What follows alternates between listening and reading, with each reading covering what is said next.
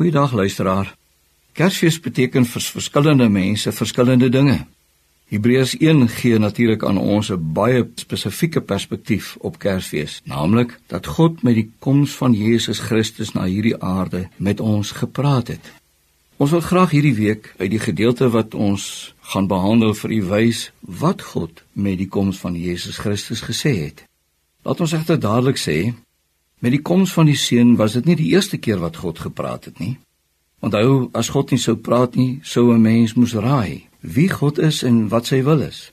Daar sou natuurlik dan totale onsekerheid wees. Maar God het gepraat. Van die begin van die skepping af het God gepraat. Ons lees hier in Hebreërs 1 in die verlede het God op baie kere en op baie maniere met ons voorvaders gepraat deur die profete. Wat is dan nou anders in God se praat deur die koms van sy seun? Luister wat staan hier in vers 2. Maar nou, in die laaste dae, het hy met ons gepraat deur die Seun. Hoewel daar duidelike ooreenkomste is tussen dit wat in die ou bedeling gebeur het en dit wat in die nuwe bedeling gebeur, naamlik dat dit dieselfde God is wat praat, is daar ook duidelike verskille. In die ou bedeling, so lees ons hier, het God baie kere en op baie maniere gepraat. Die woorde van die skrywer hier in vers 2 sê dat daar in die ou bedeling 'n openbaring hier en 'n openbaring daar was. Op hierdie manier is daar geopenbaar en op daardie manier is daar geopenbaar. Daar was dus iets van 'n onvoltooidheid, 'n afwagting op dit wat God sou sê, volledig sou sê.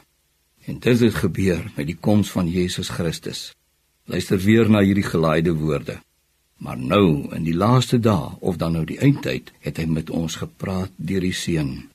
Die onvoltooidheid wat God in die vorige bedeling gesê het, is nou voltooi. Dit het voluit bereik. Die afwagting van wat God sou sê, voluit sou sê, is nou vervul. Met die koms van Christus het God alles gesê wat hy wou sê. Niks kan bygevoeg word nie. Ons kan dieper delf in dit wat hy gesê het met die koms van sy seun, maar ons kan nie byvoeg nie en wat God deur die koms van Jesus Christus gesê het, is met uiterste gesag gesê. In die ou bedeling het God deur profete gepraat en dit het al geweldige gesag gedra, maar let op die kontras. Nou het God nie deur profete gepraat nie, maar met die koms van Jesus Christus deur sy eie natuurlike seun.